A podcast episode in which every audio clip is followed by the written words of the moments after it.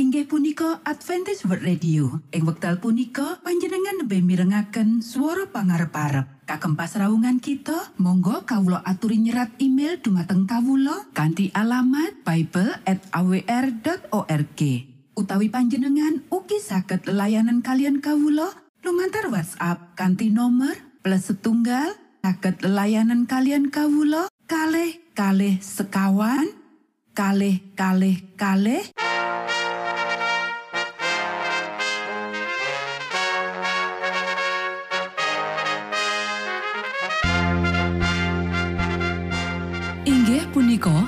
Adventist World Radio ingkang giaran kanthi basa Jawi. Tentrem Rahayu kula aturaken kagem para mitra kinasih ing pundi papan lan panggonan. Sugeng pepanggian malih kalian Adventist World Radio.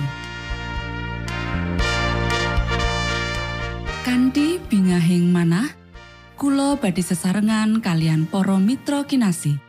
Lumantar saperangan adicara ingkang sampun rinonci. Mligi kagem panjenengan sami. Mugi giaran punika saged migunani tuen dados berkah kagem kita sedoyo.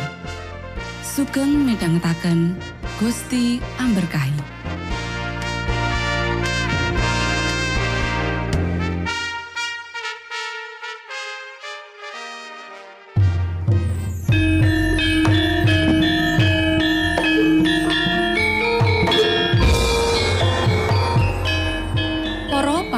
Kinasih ing Gusti Yesus Kristus, sugeng pinanggih malih kalian Adventist World Radio. Ing wekdal punika, kita badi sesarengan ing adicara ruang kesehatan ingkang saestu migunani kagem panjenengan saha kita sami. Tips utawi pitedah ingkang dipun aturaken ing program punika tetales dawuhipun Gusti ingkang dipunnyatakaken ing kitab suci. Semanten ugi sakehing seratan ingkang dipun wangsitaken dening Gusti Allah.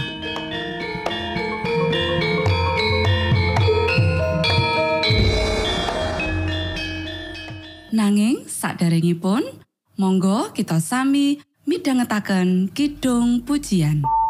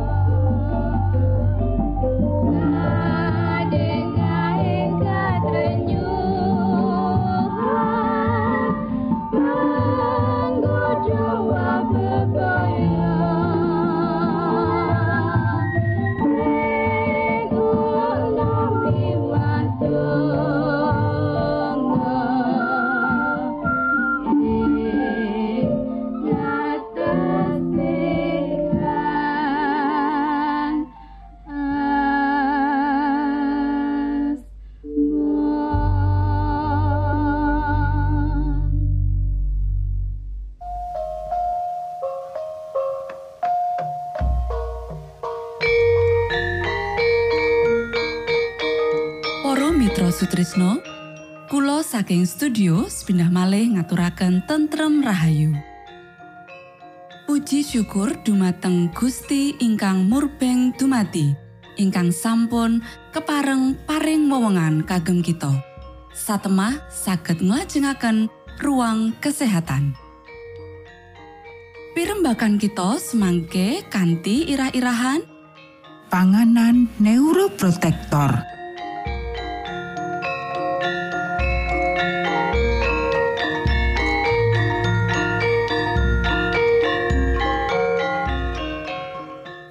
Dumateng para pamiarsa kakung saha putri ingkang dahat kinurmatan. Sugeng pepanggihan malih kalian kula Isti Kurnaidi ing adicara ruang kesehatan. Ing dinten punika kanthi irah-irahan panganan neuroprotektor. Para sedherek ingkang kinasih, lenga klopo lan lenga sawit wis dianggep ora sehat sebab nduweni kadar lemak jenuh. Ananging padha karo kulit ari saka gandum utawa beras, mulane lenga klopo mujudake salah sawijine sumber utama toko krienol. awujud vitamin E kang mujudake antioksidan kang becik banget lan kalebu jinising neuroprotektor.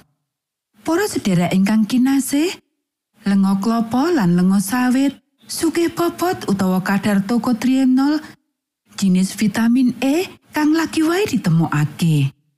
Panaliten kang lagi wae wis nemokake wujud anyar saka vitamin E kang disebut tokotrienol. jroning jinis panganan kang mligi. Kanthi cara kimia, iki mujudake vitamin E kang ora jenuh, kang kaperang papat jinis, tokotrienol alfa, beta, gamma, lan delta. Kabeh jinis vitamin E iki wigati banget kanggo fungsi otak.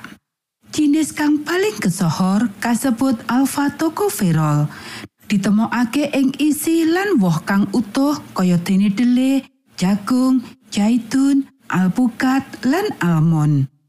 Nanging jinis tokotrienol ditemokake ana ing jinis panganan liyane kaya dene klopo sawit, klopo lan kulit ari gandum utawa beras. Sawijining panaliten ing Ohio State University Center ing Ohio Amerika Serikat wis nuduhake menawa efek antioksidan iki bisa nglindungi neuron saka sakabeh racun malah luwih gede ketimbang tokoferol jenis vitamin E kang luwih akeh dikenal. Sakwise ngalami stroke, tokotrienol kang diwenehake marang kewan pacobaan ngurangi rusake otak lan nglindungi neuron saka defisiensi oksigen. Para sedherek ingkang kinasih, Saiki ayo kita nyinau produk kang suke toko Frionol. Kapisan, lengo klopo sawit. Lengo iki wis kelangan babab kang becik sabab kandungan asam lemak jenuhe dhuwur. Paling dhuwur saka sakabehing jinis lengo sayur. Natian mangkono, lengo klopo sawit uga kanthi toko trienol, yaiku awujud vitamin E kang lindungi neuron. Tadi rekomendasine yaiku konsumsi lengo iki sak cukupe wae. Kang kapindho, klopo lan minyak klopo. Uga meh kelangan babab kang becik sabab kandungan asam lemak jenuhe. Natian mangkono, wis kabukti menawa asam lemak jroning klopo mujudake jinis rantai sing sedengan utawa medium lan iki ora ngakibatake arteriosklerosis. Iki beda karo asam lemak jenuh rantai dawa kang ana ing daging. Ya iki kang akibatake utawa nyalari arteriosklerosis. Ana maneh klopo ngemot neuroprotektor ya iku tokotrienol. Kang katelu ya iku grains kaya dene beras, gandum, barley, uga oat. Kandungan tokotrienol kang paling dhuwur yaiku ing kulit arine. Mongko iku, ya kene kang luwih becik ya iku mangan kanthi cara wutuh, kaya dene beras pecah kulit lan gandum utuh. Nanging tokoferol utawa vitamin E kang luwih dikenal ana ing gagang sakwoe. Kang kapapat ya iku suplemen tokotrienol. Dosis kang direkomendasèkake ya iku 50 sampai 100 mg saben dina. Matur nuwun, Gusti amberkahi.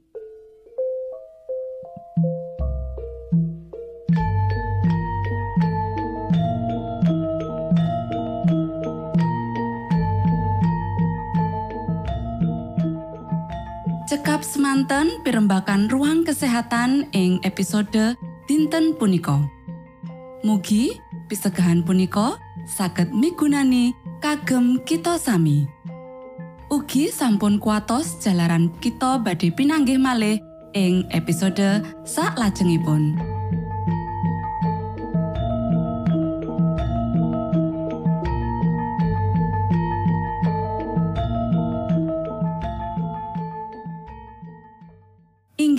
Punika adicara ruang kesehatan. Menawi panjenengan gadah pitakenan utawi ngersakaken katerangan ingkang langkung, monggo kulo aturi kinton email dateng alamat ejcawr gmail.com utawi lumantar WhatsApp kanti nomor 025 pitu 00 songo songo papat 00 pitu.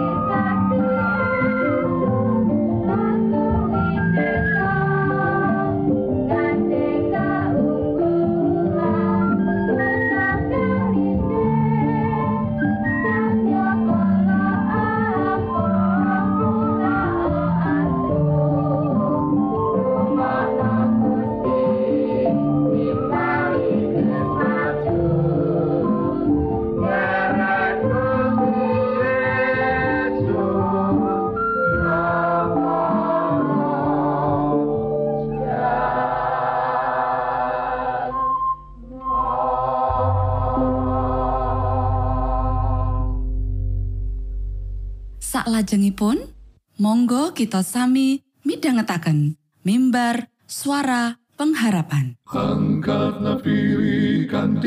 Pawarto Sang Kristus paderamu. Pro umat samyo puji asmanyo Sang Kristus paderamu. Inggih punika mimbar suara pengharapan ing episode punika kanthi irah-irahan. Pandonga pakulintenan lan pandonga pitados. sugeng minangka tondo Sang Kristus paderamu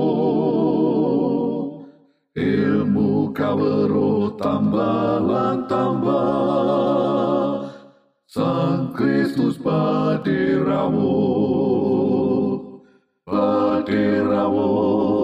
Paderamu Sang Kristus paderamu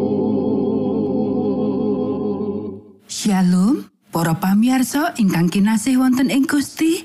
Sakmenika kita badhe mitangetaken renungan Sabda pangantikanipun Gusti. Ing dinten punika kanthi irah-irahan Pandonga pakulintenan lan pandonga pitados. Dawa pangantikanipun Gusti wonten ing Matius pasal 6 ayat pitu inggih punika yen kowe ndedonga Ojo ketahuan kaya adate wong sing ora wanuh karo Gusti Allah. Wong mau padha ngira yen Gusti Allah mirengake pandungane merga pandungane dawa. Para sederek, wonten kalih warni pandonga. Pandonga kagem kapirsanan tiang sanes lan pandonga pitados. Atur ingkang kawangsulan katemtokaken kakulintenaken nalika penggalih boten rumaos mektahaken Gusti Allah. Menika pandonga pakulintenan. Kita ketah ngatos-atos wonten ing sedaya pandonga kagem ngaturaken estining manah lan namung ngaturaken menapa ingkang kita pikajengaken. Sedaya atur sinekar rinung pokok ingkang kita unjukaken boten timbang kabandingaken estining manah ingkang suci. Pandonga ingkang paling nengsemaken penggalih menika muspro, menawi boten gambaraken raosing manah ingkang saestunipun. Namung pandonga ingkang miyos saking manah ingkang estu-estu nalika estining jiwa ingkang prasaja dipun wiyosaken kados dene nyuwun pitulungan dumateng sekabat ing jagat menika angajeng-ajeng dipun sembatani menika pandonga pitados. Penake pajak ingkang lumebet dumateng pitaleman suci badhe atur pandonga menika satunggalipun conto sae menggah panembah ingkang tulus lan pasrah. Piyambakipun sowan rumaos bilih dados tiang dosa lan kapektahan agengipun nuntun dumateng setunggalipun pepinginan kiat ingkang sumunar. Gusti Allah welasana kawula ingkang dosa menika. Para sederek, kagem rujuk dumateng Gusti Allah, kita ketah ngaturaken prakawis dumateng panjenenganipun setunggalipun prakawis kita ingkang nyoto. Seratanipun pamblasar kita ingkang panjang wonten ing ngarsanipun paningal ingkang langgeng. Seratan ingkang jangkep boten wonten panerak kita ingkang kasupekaken. Namung panjenenganipun ingkang kanthi margi ajaib andadar abdi-abdinipun nalika ing wekdal kino badhe mirengaken pandonga pitados lan maringi apunten dumateng panerak kita. Panjenenganipun sampun prasetyo lan panjenenganipun badhe netepi prasetyanipun. Para sederek, sak sampunipun kita ngaturaken panjuwunan kita, pramila kita ketah atur wangsulan piyambak sak saged-sagedipun. Boten nenggo Gusti Allah nindakaken kagem kita menapa ingkang saged kita lampahi piyambak. Pitulunganipun Gusti Allah ketah katunggilaken kalian budidaya, karso lan kegiatan menungso. Kita boten saged ngumantungaken pantunganipun tiang sanes ing mongko kita piyambak lirwo ing pantungo. Amargi Gusti Allah boten damel paugeran kados mekaten dumateng kita. Keporo kegiatanipun Gusti boten saged ngastos setunggal jiwa dumateng swarga ingkang boten purun budidaya piyambak. Para sederek, sinambi minggah mboko setunggal pecak wonten ing tratakan sumunar tumuju kidanipun Gusti Allah. Oh, kados pundi asringipun kita badhe alit ing penggalih lan muwun ing sukunipun Gusti Yesus, margi kita jabar lan kawon. Namung mugia sampun ngantos kendel ambudidaya. Kita sedaya saged dumugi swarga menawi kita purun ambudidaya kanthi estu. nindakaken dawuhipun Gusti Yesus lan tuwa dumateng gambaring sariranipun. Jabaripun ingkang sawetawis ketah damel kita langkung suminde dumateng Sang Kristus. Lan kita ketah majeng kemawon kanthi mana ingkang suro. Pikajengan ingkang kiat lan kekayuan ingkang boten saged kakonjengaken. Monggo kita sami ndedonga. Duh Rama kawula ingkang wonten ing swarga, asma patuko mugi kasucikaken. Kraton patuko mugi rawuh. Karso patuko mugi kalampahan wonten ing bumi kados dene wonten ing swarga. Kawula mugi kaparingan rejeki kawula sak cekapipun ing dinten punika. Soho patuko mugi ngapunten kalepatan kawula kados dene kawula inggih ngapunteni tetiang ingkang kalepatan dhateng kawula. punapa dene kawula mugi sampun ngantos katantukaken dhateng ing panggoda nanging mugi sami patuko uwalaken saking piawon awit dene patuko ingkang kagungan kraton saha wiseso tuwin kamulyan salami laminipun amin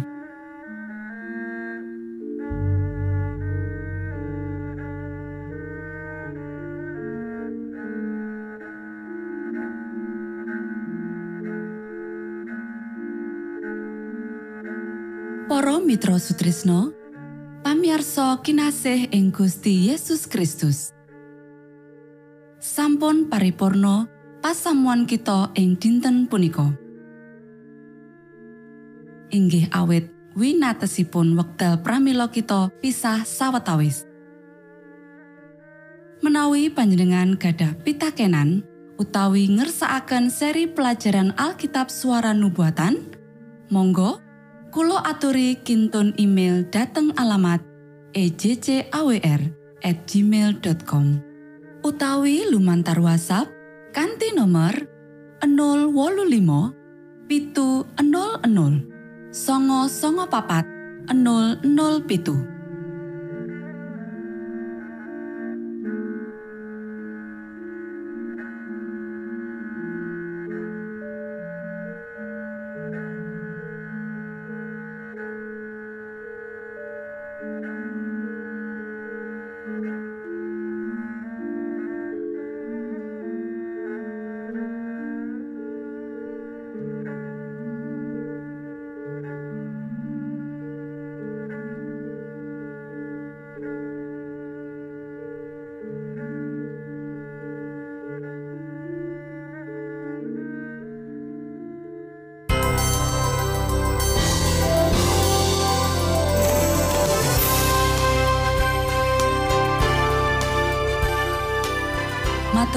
kagem wektalipun kita badhe pinanggih malih ing gelombang ugi wekdal ingkang sami. Saking studio kula ngaturaken tentrem rahayu. Gusti amberkahi kita sedaya. Maranatha.